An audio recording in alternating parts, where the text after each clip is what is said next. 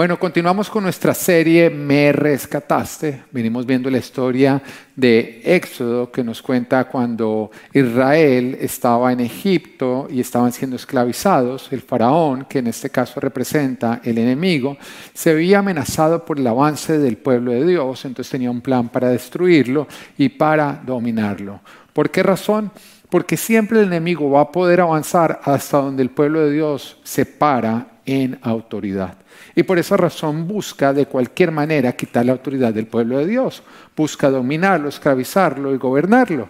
Porque si nosotros como iglesia no usamos la autoridad que Dios nos ha dado, los planes del enemigo siguen avanzando. Y acá en este caso, el faraón, o más bien el enemigo a través del faraón, venía avanzando y enriqueciéndose, pero se encuentra con el pueblo de Dios que estaba siendo multiplicado, que estaba siendo fortalecido. Así que ejerce o maquina un plan para destruirlo y para dominarlo. Ahora, siempre que el enemigo tiene un plan de destrucción, Dios tiene un plan de salvación. Y dale las gracias a Dios porque siempre Él se adelanta a lo que el enemigo quiere hacer para traer una salvación para nosotros. Y dentro de la salvación que el Señor está en este momento levantando para el pueblo de Israel, era levantar un líder, un libertador. Todo lo que Dios hace, lo hace a través de alguien. Dígale del lado, todo lo que Dios hace, lo hace a través de alguien. ¿Eso qué quiere decir? Eso quiere decir que Dios te quiere usar a ti. Dios te quiere usar para lo que tú te dejes usar. Y para todo lo que Dios hace, el Señor usa el liderazgo de los creyentes. El liderazgo del pueblo de Dios, el liderazgo cristiano, es supremamente clave para los planes de Dios. Porque liderazgo es la capacidad de nosotros influenciar a otros, de darle valor a las otras personas. Y como nosotros tenemos la verdad, eso quiere decir que nosotros tenemos la capacidad de dar muchísimo valor a las demás personas. Vuelvo y te repito, liderazgo es la capacidad de influenciar y darle valor a las otras personas. Por lo tanto, tu liderazgo es proporcional al valor que tú le puedes añadir a otros. Marcos capítulo 9, versículo 35 dice, si alguno quiere ser el primero, que sea el último de todos y el servidor de todos. Liderazgo no es usar a otros para que te sirvan, es ser usado por Dios para servir a otros. Liderazgo no es usar a otros para que te sirvan, es ser usado por Dios para servir a otros. Eso es lo que es liderazgo. O sea, cuando tú ves que hay una necesidad, no es Señor, ¿cómo yo me puedo servir de esta necesidad? Cuando tú ves la iglesia, no es cómo yo me puedo servir de la iglesia. Cuando tú ves el reino de Dios, no es como el reino de Dios me puede servir a mí. Es cómo yo me puedo negar para esa manera ser usado por Dios para servir a otro, para servir sus propósitos. Ahora, como cristianos, nosotros tenemos la capacidad de liderar porque tenemos la verdad. Nada añade más valor a alguien que conocer la verdad. La palabra nos dice que la verdad produce libertad. En Juan capítulo 8, versículo 32 dice, y conocerán la verdad y la verdad los hará libres. Tú y yo tenemos la verdad, una verdad que el mundo no conoce, el mundo está en engaño. Y como tú y yo tenemos la verdad, tenemos la única capacidad que existe para traer libertad a la esclavitud que vive este mundo. Nunca yo he visto una persona que salga de un concierto de Madonna o de Maluma y diga, mi, mi vida cambió. Yo fui transformado. Yo nunca he visto que alguna dice, no, fui con mi esposo al concierto de Maluma y me llegó diferente. Un hombre diferente dejó el trago, empezó a ser un buen esposo. ¿Por qué razón? Porque el mundo nos puede entretener, pero solamente la verdad nos puede ser libre, nos puede transformar. Y la verdad es Jesucristo. Ahora, tú y yo tenemos acceso a la verdad, tú y yo tenemos acceso a Jesús. O sea, eso quiere decir que tú y yo podemos ser usados por Dios para añadir valor a las personas. Pero por esa razón tampoco podemos comprometer la verdad, porque la verdad es Jesús. Y tú solamente predicas a Jesús cuando predicas la verdad completa, que es la Biblia. A lo que me refiero a la verdad completa es que tú y yo sabemos que cuando contamos una historia le quitamos ciertos componentes, aunque todo lo demás sea verídico, lo convertimos en una mentira. Tú sabes que ha habido oportunidades en que tu esposa te pregunta cosas y cuando tú respondes, tú simplemente quitas ciertos componentes y no, no estoy mintiendo, pero lo que dijiste cambia lo que hiciste. Y lo hiciste por miedo.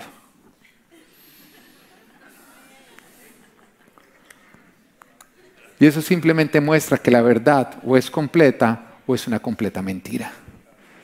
Y lo mismo nos ocurre a nosotros cuando nosotros predicamos la palabra. Si nosotros por miedo, por intimidación o por cualquier razón sacamos ciertos componentes de la verdad, porque decimos es que si la predico completa me van a perseguir, se van a ofender, entonces mejor le quito ciertos componentes y predico el resto. Déjame decirte que tú ya no predicas a Jesús, porque Jesús es la verdad y la verdad o es completa o es mentira. Es por eso que nuestra capacidad de influenciar a otras personas está en predicar la palabra completamente sin quitar nada por miedo a lo que otros puedan decir. Porque tú o sirves a Dios o agradas al hombre. O tú sirves a Dios o agradas al mundo. Pero solamente predicas a Jesús cuando predicas la verdad completa, la Biblia completa. Ahora, un cristiano pierde su sabor cuando compromete la verdad, cuando cede a lo de Satanás, cuando cede a lo del mundo, cuando busca encajar porque pierde su capacidad de añadir valor y por lo tanto pierde su liderazgo. Y Dios te quiere usar. Pero para Dios usarte, tú tienes que entender que tú no tienes que estar mirando a los demás para ver si te están aplaudiendo. Tú tienes que estar mirando a Dios para ver si tú estás cumpliendo con lo que Él a ti te ha enviado a hacer. Ahora, volviendo al pueblo de Israel, estamos viendo que estaban viviendo un ataque a través del cual el enemigo los quería exterminar. Pero parte del plan de Dios era levantar un libertador. Alguien que añadiera valor al pueblo, alguien que los guiara en libertad, alguien que estuviera firme en la verdad y que no cediera al enemigo ni buscara encajar con los egipcios. ¿Tú crees que Moisés hubiera podido ser usado por Dios si cuando Moisés iba buscaba que su predicar fuera de agrado para el faraón? Que los egipcios no se fueran a sentir de pronto ofendidos, que todos lo aplaudieran y que él le agradara a todos. No, el Señor buscó levantar a alguien que no buscara ceder a las demandas del enemigo ni encajar con los egipcios. Y por eso usó a Moisés, nacido hebreo, pero criado por los egipcios. Su ADN era hebreo. Había conocido los egipcios, pero a pesar de eso no era. Ya que hay una verdad, Dios va a usar tu pasado del que te sacó para ayudar a otros a salir de lo mismo. Dios va a usar tu pasado del que te sacó para ayudar a otros a salir de lo mismo. Sí, sí, cuando Dios te alcanzó, tú estabas teniendo problemas en tu matrimonio y parte de tu testimonio es ver cómo Dios transformó tu matrimonio y lo convirtió en un matrimonio hermoso y saludable pues bueno, ahora que Dios ha hecho en ti, ahora te quiero usar a ti para ir a rescatar a otros que también están perdiendo su matrimonio. Si el Señor te sacó de las drogas, te sacó del alcohol o de lo que Dios te haya sacado, bueno, ese pasado del cual Dios te sacó, ahora Dios lo quiere convertir en un equipamiento para a través de ese equipamiento sacar a otros que sean esclavos de lo mismo de lo que tú fuiste esclavo. Porque cuando Dios nos escoge, arranca nuestra preparación desde que nacemos. No arranca desde el momento en que nos llama, no, arranca desde el momento que nos escogió. Eso quiere decir que no ha desperdiciado ni un solo día de nuestras vidas. Yo recuerdo cuando, cuando el Señor me alcanza y, y sí, lastimosamente por muchos años yo viví sin conocerlo y haciendo todo lo que no debía haber hecho. Y de pronto me comparaba con otros pastores y con otros líderes cristianos que habían crecido en la iglesia, con principios, conociendo la palabra. Y yo dije, wow, cuánto tiempo desperdiciado. ¿Cómo hubiera sido diferente si siempre yo hubiera crecido el Evangelio conociendo la verdad? Y un momento en que Dios me dijo, no, no, no, no, no, no. Mi entrenamiento arrancó desde que naciste. Yo no desperdicié absolutamente nada. Lo que el enemigo usó para destruirte, yo lo transformé para construirte. Lo que el enemigo quiso usar para destruirte, Dios lo ha usado para construirte. Dios no desaprovecha absolutamente nada. Cuando Él pone la mirada en nosotros, Él va a aprovechar absolutamente todo para sus propósitos. Moisés no fue un accidente. Desde que Él nació, Dios tenía un plan y Dios usó absolutamente todo. Ahora nos damos cuenta, nos cuenta la historia, que Moisés creció con un peso en el corazón muy grande. Porque a pesar del ser hebreo, él fue adoptado por la hija del faraón. Entonces creció como si fuera un egipcio con todos los beneficios de los egipcios, pero se dio cuenta que su pueblo hebreo era maltratado por los egipcios, era dominado, era esclavizado. Así que siempre hubo un peso en su corazón por libertar a este pueblo. El problema era que aunque ya estaba el llamamiento, todavía él no conocía de Dios. Así que no dependía de Dios para hacerlo, sino que dependía de sus propias fuerzas. Y nos cuenta la historia que hubo una oportunidad en que él estaba visitando a los hebreos cuando de pronto vio que un egipcio maltrataba a uno, así que él mató al egipcio y lo enterró bajo la arena. Y que al siguiente día también volvió a salir a visitarlos cuando de pronto encontró a dos hebreos peleando entre sí. Así que en ese momento los trató de separar y entonces uno de ellos le dijo, ¿qué vas a hacer? ¿Me vas a matar como mataste al egipcio? Entonces Moisés se dio cuenta que ya se sabía y sí, llegó a oídos del faraón lo que Moisés había hecho. Así que el faraón decidió matarlo y a Moisés le tocó terminar huyendo. Por tratar de hacerlo de Dios sin Dios, terminó fracasando. Terminó huyendo. Y durante 40 años estuvo en el desierto. 40 años después de estar cuidando las ovejas de su suegro, una oportunidad en que él sale y de pronto se encuentra con una zarza ardiendo. Y se dio cuenta que el fuego no la consumía, así que le llamó la atención. Y acá quiero hacer un paréntesis para decirte que Dios va a usar cosas para llamar tu atención. Cuando Dios quiere hablarte, Él va a usar diferentes cosas para llamar tu atención.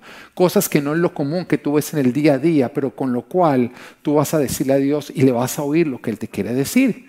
Eso era justamente lo que estaba ocurriendo a través de la zarza ardiente. Dios buscó una manera de llamar la atención de Moisés para poderle decir a Moisés lo que le quería decir. Y desde la zarza le habló Dios. Y Dios le dijo que había visto la opresión que los egipcios están haciendo sobre el pueblo hebreo y que había tomado la decisión de liberarlos y que había decidido usarlo a él.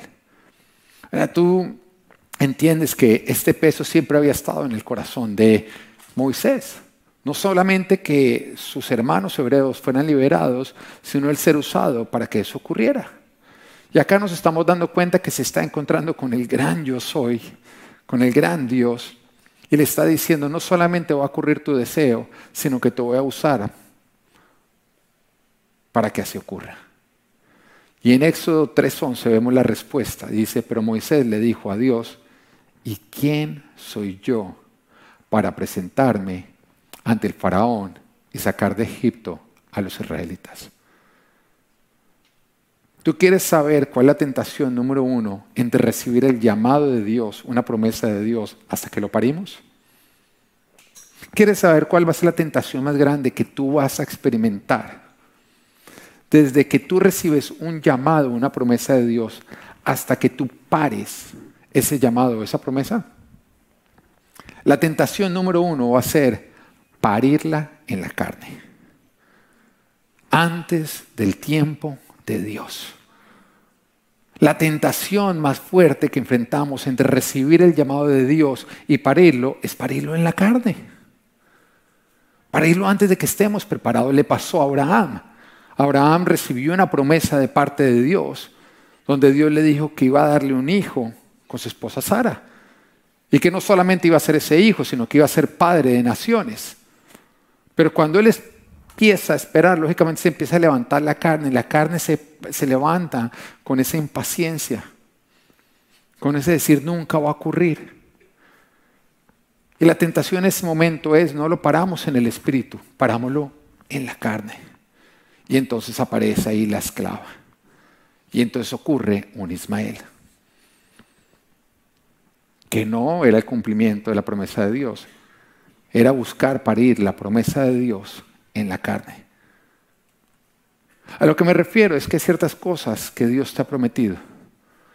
Pero mientras que Dios te está preparando para que ocurran, el enemigo te va a ofrecer a ti esclavas y te va a ofrecer a ti ismaeles. Quiero hablarle hoy a los solteros. Dios tiene a alguien para ti. Mujeres solteras, Dios tiene un Isaac para ti. Pero la tentación más grande entre recibir esta promesa y que Dios te lo entrega es conformarte con un Ismael. Alguien que no es el cumplimiento de la promesa de Dios, sino que es parir esa promesa en la carne. Y el problema de Ismael es que Ismael siempre incomodó el cumplimiento de la promesa. Siempre fue la piedra en el zapato de la promesa de Dios. Siempre que Dios nos habla, el enemigo va a aprovechar el tiempo entre que recibimos la promesa hasta que Dios lo pare para generar una impaciencia y proponernos a nosotros parirlo en la carne. Y le pasó también en este caso a Moisés, quien desde que nace tiene esa carga en su corazón, tiene ese llamamiento, pero intenta ir a libertar al pueblo sin Dios. Porque entre recibir el llamamiento y parirlo hay algo que es supremamente importante, que es la preparación de Dios. Es algo que no nos podemos saltar o simplemente fracasaremos. Nos va a ocurrir igual que Saúl. Ahora, para los que no conocen la historia, Saúl fue el primer rey del pueblo de Israel. Un rey que no fue por voluntad de Dios, sino por la voluntad del hombre, que fue parido en la carne. Y el problema de Saúl es que al principio pareció ser un gran rey. Pareció ser todo lo que el pueblo quería que fuera. Pero como nunca había recibido la preparación completa de Dios, con el tiempo se convirtió de un gran líder en un tirano. Y en vez de hacer avanzar a Israel, lo que lo hizo fue hacer decaer. Pero por otro lado vemos el caso de David. David, que fue un rey por voluntad de Dios, que no fue parido en la carne, sino fue parido por el Espíritu, después de pasar por un tiempo de preparación y que fue el mejor rey que tuvo Israel. La pregunta es, ¿cuál de los dos quieres ser tú? ¿Quieres ser alguien parido por el Espíritu o quieres ser alguien parido por la carne? Cuando Moisés se sintió más listo, sin que Dios lo hubiera confirmado, era cuando menos lo estaba. ¿Sabes por qué? Porque fue cuando intentó hacerlo en sus propias fuerzas y con su propia maña. Fue cuando intentó ir a cumplir su llamamiento matando a un egipcio a la vez. Ahora, cuando uno se da cuenta que el hombre quería libertar al pueblo hebreo y arranca matando a un egipcio, uno dice, ¿qué, qué, pensaba hacer? ¿Matar a un egipcio a la vez? ¿Todos los días un egipcio hasta que acabara con ellos? Un poquito absurdo, ¿o no? Y eso simplemente le trajo el fracaso. Ahora, cuando Moisés lo hizo con Dios, con la autoridad de Dios en el tiempo de Dios, no tuvo que matar a ningún egipcio. No, porque con su vara hizo que cayeran plagas. Con su vara hizo que se abrieran mares en dos. Con su vara desató una bomba espiritual sobre el pueblo de Egipto. Ten muchísimo cuidado con las voces que te dicen que ya estás listo antes de que Dios te diga que ya estás listo. Porque estas voces vienen del enemigo buscando levantar tu carne para generar impaciencia, para que tú paras las promesas de Dios en la carne y no en el espíritu. Cuando tú estés listo, Dios va a usar los canales que Él ha establecido para confirmarlo. Cuando tú estés listo, Dios va a usar sus canales que ya están establecidos. Porque Dios en su palabra ha establecido ciertos canales que son a través de los cuales Él siempre te va a hablar. Y esos canales son su palabra, esos canales son las autoridades que Él ha puesto sobre ti. Pero por otro lado, el enemigo va a usar los que están debajo, al pueblo, los que están debajo tuyo, para empezar a sembrar en ti cizaña, para que de esa manera tú te desligues de las autoridades establecidas por Dios y en lugar de esperar a que Dios cumpla lo que te ha prometido, tú termines pariéndolo en la carne. Y vemos el caso de Juan el Bautista. Porque Juan el Bautista siempre supo cuál era su propósito. Y su propósito no era servirse al reino, sino servir al reino. Y para servir al reino, él tenía que menguar. Él tenía que negarse a sí mismo. Y tú tienes que entender que tú sirves al reino, no cuando te sirves del reino, sino cuando te niegas para servir al reino y los propósitos de Dios. Y él empezó a predicar, pero él no predicaba acerca de sí. Él decía, estoy predicando a uno que viene después de mí, que ni siquiera soy digno de desatar sus sandalias. Él constantemente recordaba que su propósito era anunciar a Jesús, el que vendría después. De hecho, cuando llegó Jesús a ser bautizado, él mismo le dijo, acá tienen el Cordero de Dios que quita el pecado del mundo. No soy yo, es Él. Pero después de anunciarlo, nos dice que todos los discípulos de Juan empezaron a seguir a Jesús. Y los que quedaron con Juan un día vinieron y le dijeron, oye, es que ahora la gente va a donde Jesús, no viene donde ti. Me parece que Jesús no está teniendo en cuenta todo el esfuerzo que tú has tenido en cuenta, has hecho hasta el momento. Me parece que te tienen olvidado, no te valoran lo suficiente. Te quitaron lo que ya tenías. Ahora, si, si Juan se hubiera puesto a escuchar a estos discípulos, él hubiera dejado de cumplir su propósito y se hubiera puesto más bien a seguir su propia carne. Y el problema de la carne es que no ayuda a edificar el reino de Dios, sino que nos pone a trabajar para el reino de las tinieblas. Estas voces que vienen de abajo buscan levantar su carne. Pero entonces Juan en ese momento tuvo que callar esas voces y decir, mi propósito es menguar para que Él crezca. Mi propósito es menguar para que Él crezca. En otras palabras, Juan les recordó a ellos que Él no estaba para ser servido por el reino, sino para servir el reino. Y como lo dijo Jesús, quien quiera ser el primero, que se haga los últimos. Ese afán de nosotros hacernos los primeros nos hace a nosotros no poder ser usados por Dios. Dios no necesita personas que exijan ser los primeros. Dios necesita personas que estén dispuestos a ser los últimos. Porque esos son los que Dios va a usar. Ahora es injusto cuando tú le atribuyes a Dios cuando ocurre lo que tú quieres, lo que está alineado con tu voluntad.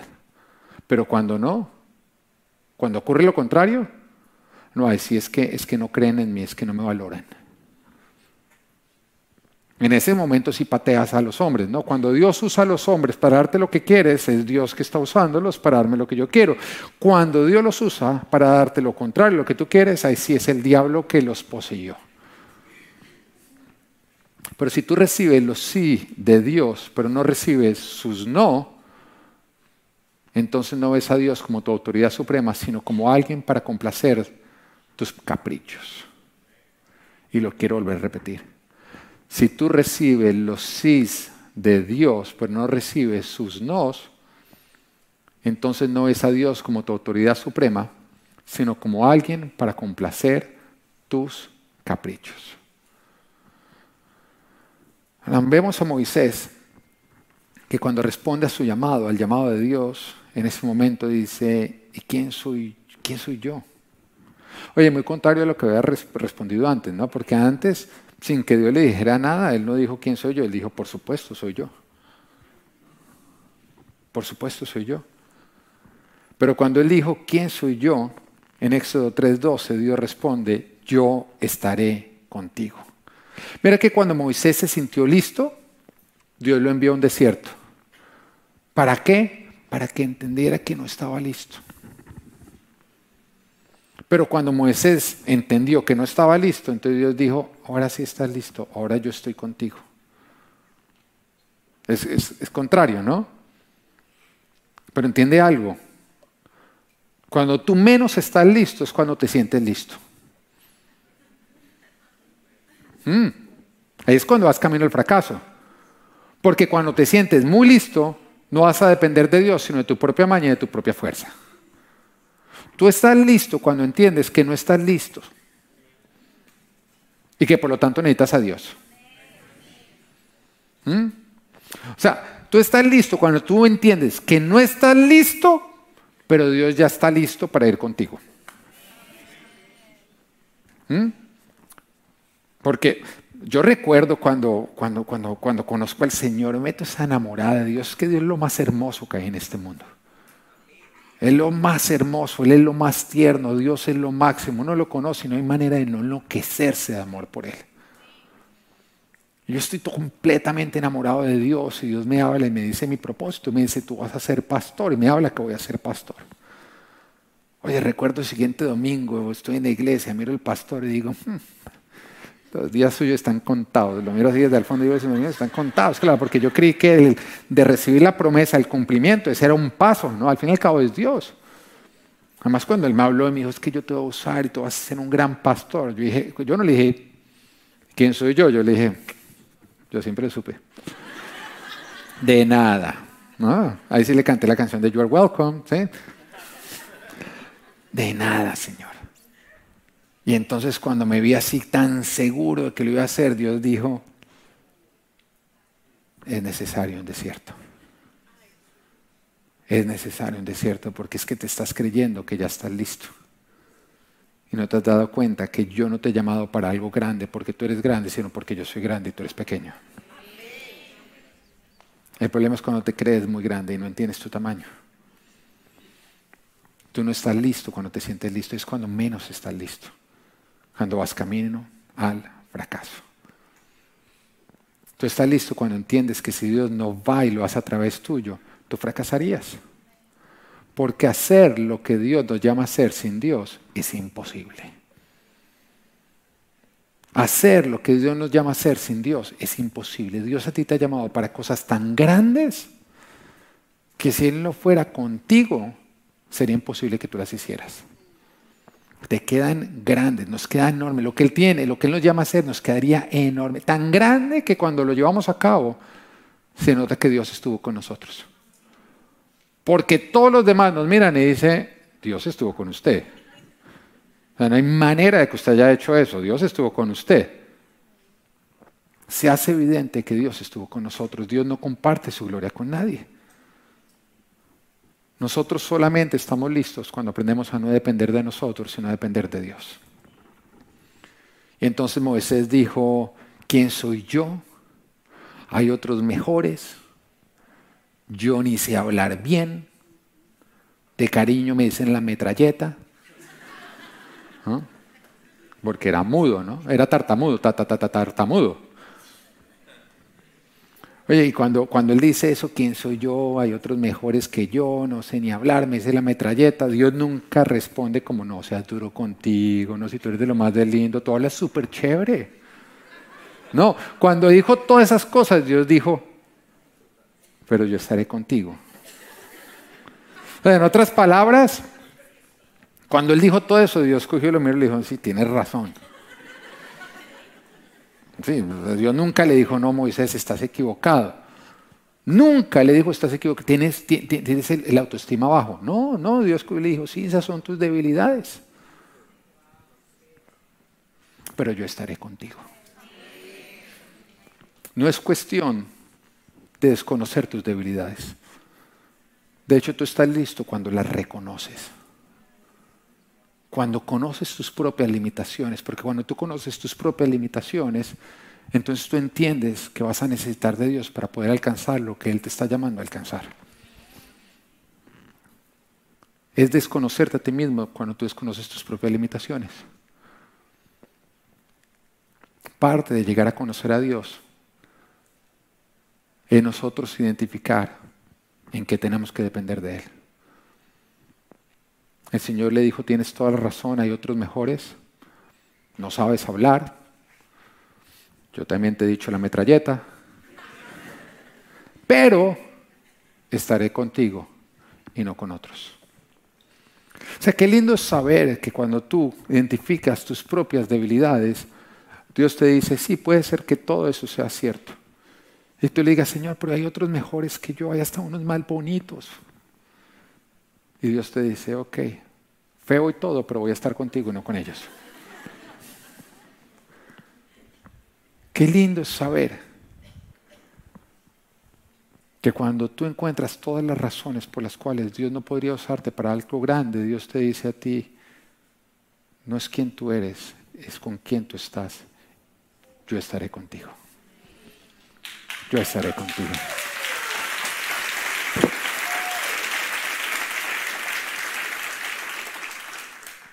Así que quieres saber cuándo tú estás listo. ¿Mm?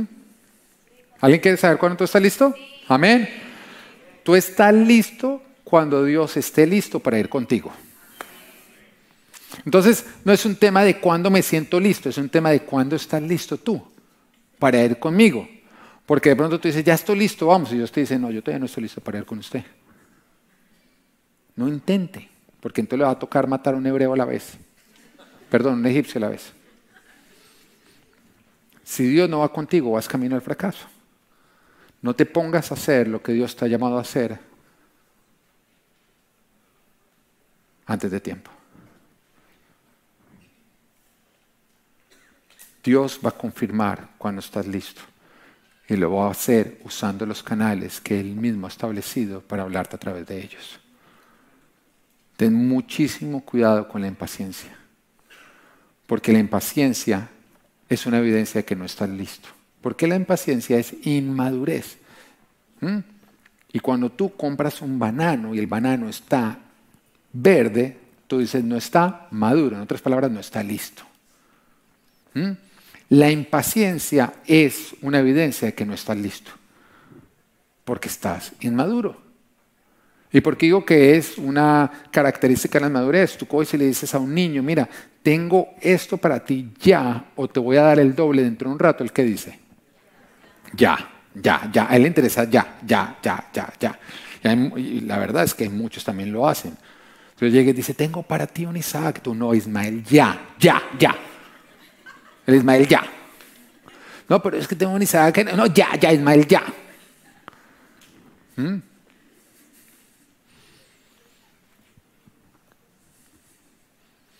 Y le quiero decir algo a los solteros, ¿no? A mí, me encanta hablar a los solteros, porque a veces son impacientes.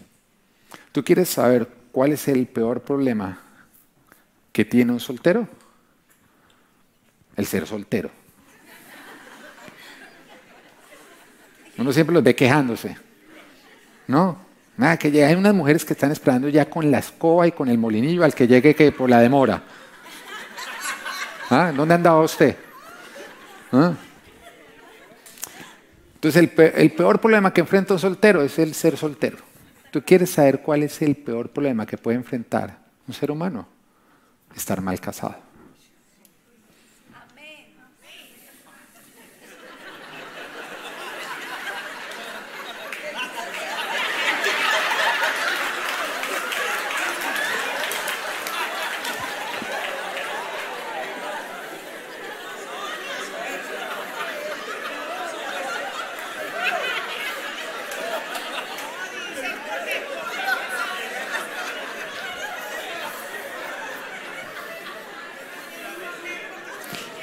Ella no sabe cuándo decir amén, ella todavía no ha entendido.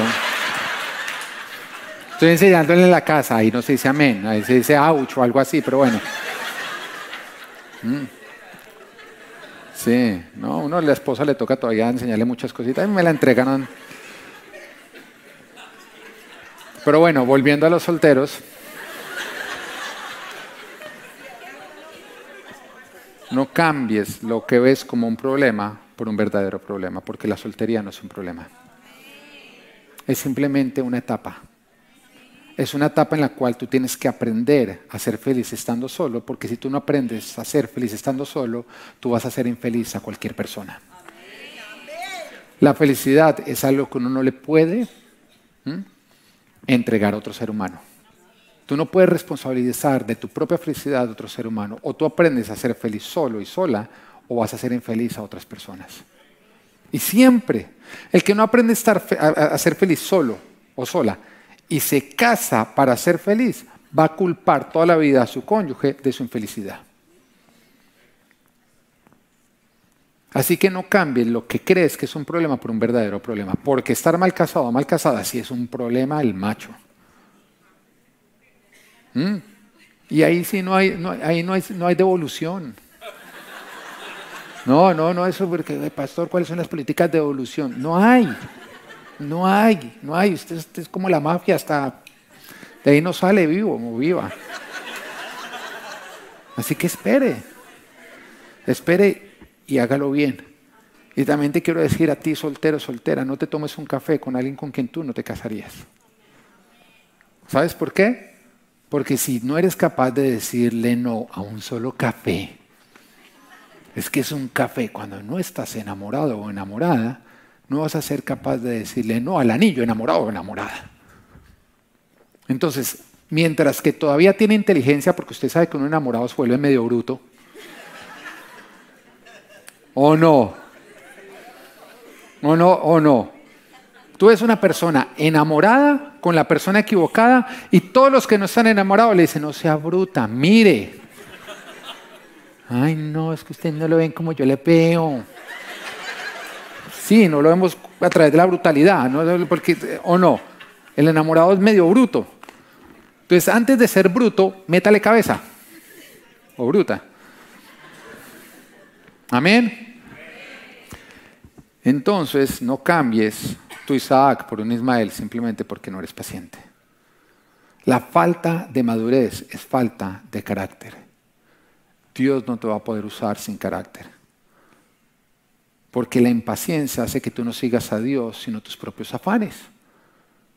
La impaciencia es una de las razones por las cuales se agó la semilla en la parábola de la semilla. La impaciencia es la razón por la cual el creyente no busca el reino de Dios y su justicia. Nos dice que por seguir sus propios afanes deja de seguir el reino de Dios y la justicia. Ahora, cuando miramos en la Biblia nos damos cuenta que Pablo, después de recibir semejante llamamiento, semejante llamamiento, además conocedor de las escrituras y todo, y el Señor se le aparece y lo llama, en ese momento él salió al cumplimiento de predicar y lo único que hizo fue causar estragos, meter la pata, hasta que ya entendió. Entonces le tocó venir donde los apóstoles, sujetarse, someterse y durante 14 años ser preparado. A Pablo le tomó 14 años. A José le tomó 13 años desde que recibió el sueño de parte de Dios hasta que se cumplió el que Dios lo convirtiera en administrador de todo Egipto. A Abraham le tocó esperar 25 años desde que recibió la promesa de Isaac hasta que Dios se lo entregó. A Jesús le tocó esperar 30 años para arrancar su ministerio. Así que espera y ahórrate un fracaso. Éxodo 3:12, yo estaré contigo, le respondió Dios. Dios le respondió a Moisés que porque él era consciente de sus propias debilidades, entonces Dios lo acompañaría. Porque cuando menos confiamos en nosotros, más dependemos de Dios. Cuando más dependemos de Dios, más veremos su gloria.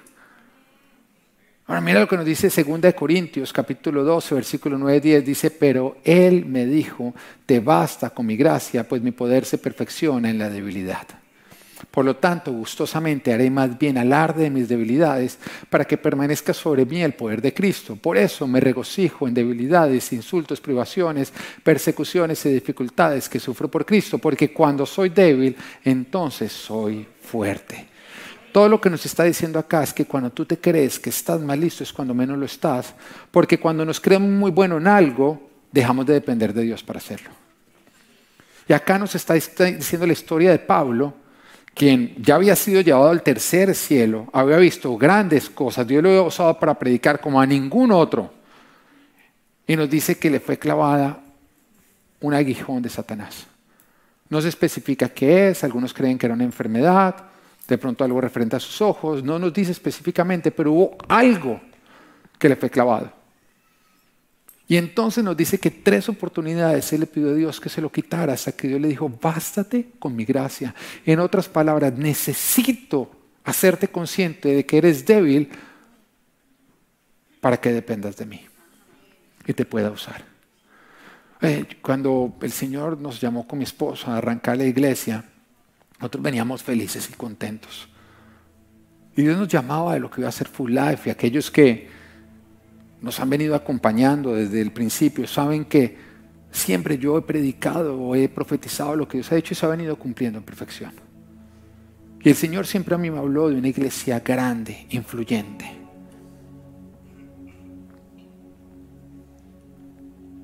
Y el Dios nos llamó a esto y siempre lo he creído, pero Recuerdo que cuando arrancó la iglesia, fue como que arrancáramos y en ese momento empecé yo a sufrir de unas migrañas. Pero no era cualquier migraña, eran las mega migrañas. Y no era que me dieron un día sí, un día no, todos los días tenía migraña. Y lo que justamente me afectaba esa migraña era para hacer prédicas. Porque cuando a mí normalmente me tomaba dos horas para hacer una prédica, con la migraña me tomaba tres días. Me afectaba también para hablar. Ahora, esa era mi fortaleza, porque yo desde chiquito mis tíos me decían, es que si uno le cierra la boca le salen letreros. Siempre el problema que yo he tenido no es hablar, es quedarme callado. Entonces cuando Dios a mí me llamó a predicar, yo dije, claro, yo sé predicar, yo sé hablar. Y esa migraña era justamente lo que a mí me afectaba. El hacer prédicas y el salir a predicarlas. Y empiezo a ir a doctores, empiezo a ir a absolutamente todo y no hay solución. Y entonces le hablaban a uno, mire que el quiropráctico, no, mire que entonces acá la aguja está, mire, y uno intentaba todo y nada. Yo simplemente le clamaba a Dios. Yo recuerdo que le decía a mi esposa, si esta migraña me hubiera empezado antes de arrancar la iglesia, yo jamás hubiera arrancado la iglesia. Y le reclamaba a Dios, le decía, Señor, siento como si tú me hubieras llamado a correr maratones y me hubieras mandado un dolor en el pie. Porque me está afectando justamente lo que necesito para poder cumplir mi llamamiento. Hoy ayunaba, le clamaba a Dios, hasta que Dios me respondió.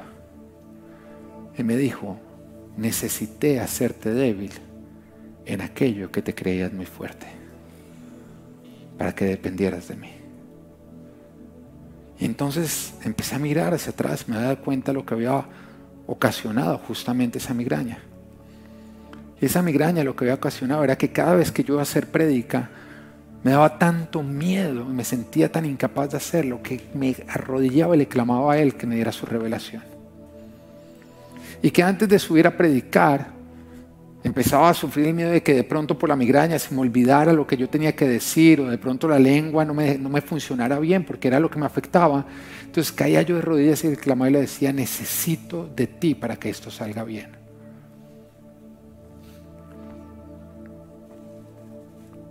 Dios me dijo, te creías tan fuerte que no te podía usar. Necesitaba hacerte débil para que entendieras que no estás listo porque te crees listo. Estás listo porque yo ya estoy listo para ir contigo.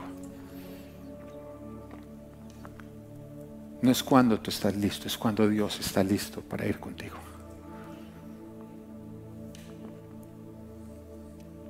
Éxodo 3.12 dice, y te voy a dar una señal de que soy yo quien te envía. Y te voy a dar una señal que voy a ser yo quien te envía, pero antes de eso quiero ponerte en contexto. Moisés siempre había tenido esa carga en su corazón de ser usado para producir un cambio y una libertad en el pueblo hebreo. Para liberar a su mamá, para liberar a su papá, para liberar a sus hermanos. Era un tema de su ADN, era un tema de su propósito, vida, de su razón de ser. Pero debido al fracaso pasado, él ya había enterrado ese sueño. Hay sueños que Dios ha puesto en tu corazón que tú ya has enterrado. Y Moisés ya creía que él jamás iba a ser usado para aquello y que sus ojos jamás verían el cumplimiento de dicha promesa. Hay promesas que Dios te ha dado que tú has enterrado. Hay promesas que Dios te ha dado que tú crees que jamás tus ojos las van a ver. Y este era el caso de Moisés. Él ya creía que sus años habían terminado, que ya no quedaba nada bueno. Pero Dios le habló en ese lugar, lo llamó y le dijo, esta señal te doy para que sepas que soy yo quien te envía. Cuando hayas sacado de Egipto a mi pueblo, todos ustedes me rendirán culto en esta montaña. Mira lo que Dios le está diciendo. Dios dice, te dice a ti, al que espera sus promesas, esta señal te doy. Me adorarás desde el cumplimiento de mis promesas. Esta promesa te da a ti, que has enterrado promesas, que has creído que ya tus ojos jamás las verás. Y hoy Dios te dice, esta señal te doy yo desde tu área de vergüenza me adorarás cuando yo la convierta en una doble porción. Desde tu área de vergüenza me adorarás cuando yo me glorifique a través de ella. Desde esto que has enterrado y que crees que jamás tus ojos lo verán, tú levantarás tu brazo y me adorarás porque en esa área me glorificaré. Donde has vivido vergüenza, donde te has sentido abandonado y abandonada, será un área a través de la cual tú adorarás a Dios cuando Él cumpla todo lo que se ha propuesto hacer contigo y a través tuyo. Serás exitoso.